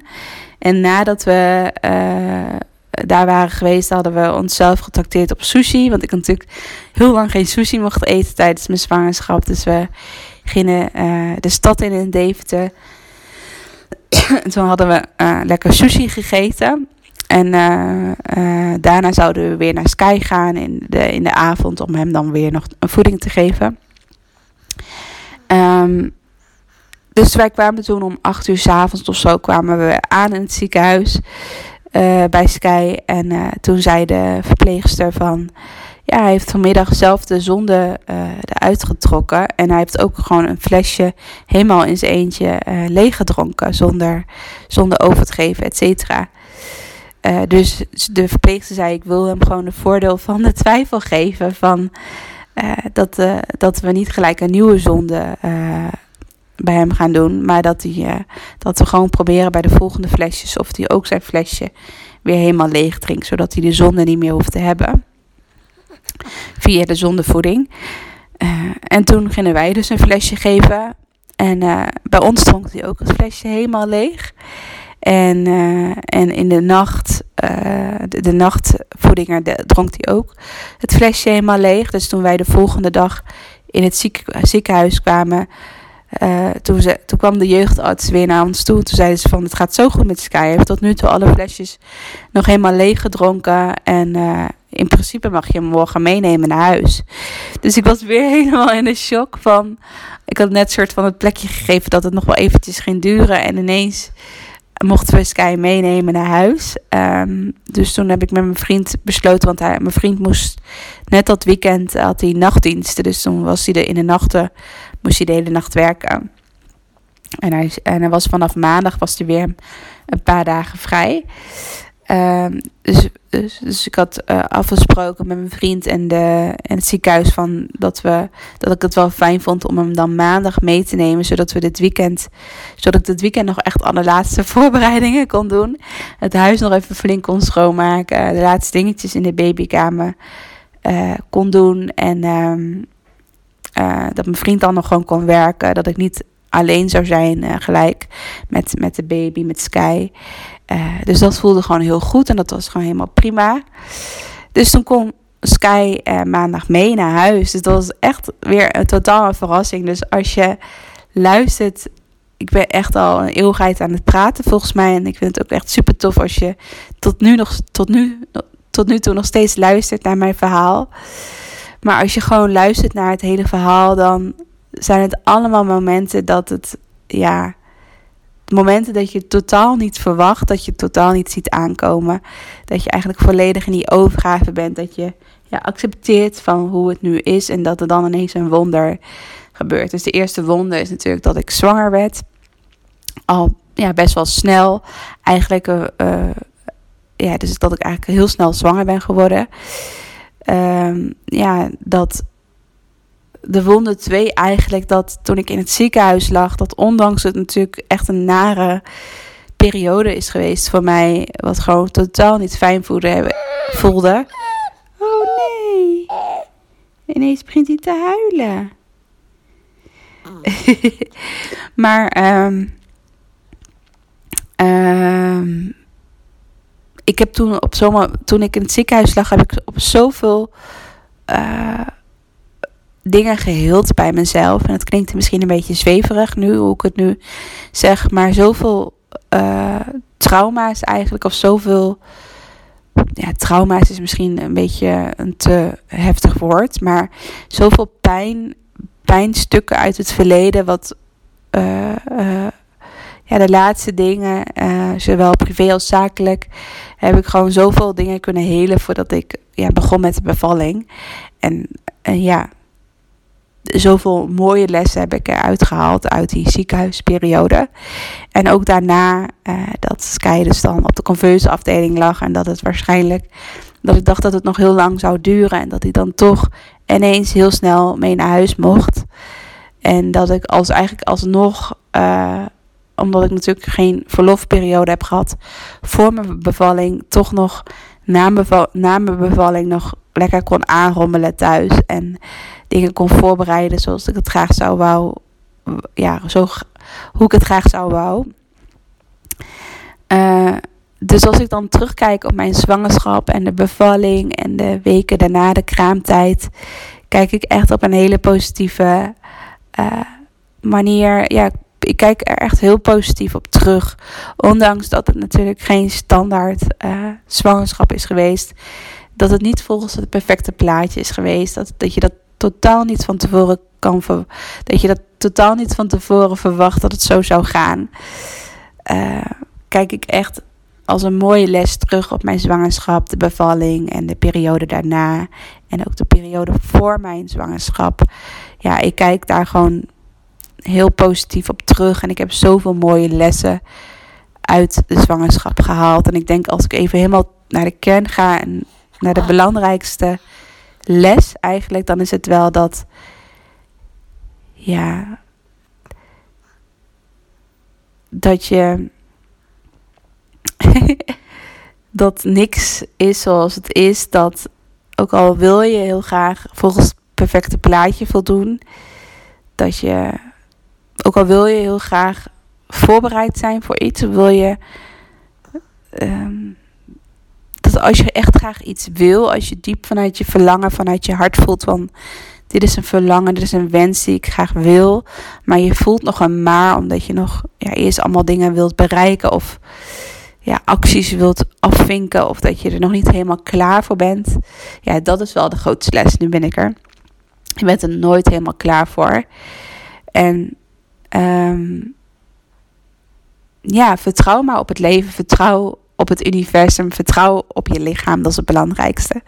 Vertrouw op je lichaam. Voel echt die veiligheid in jezelf, in je lichaam.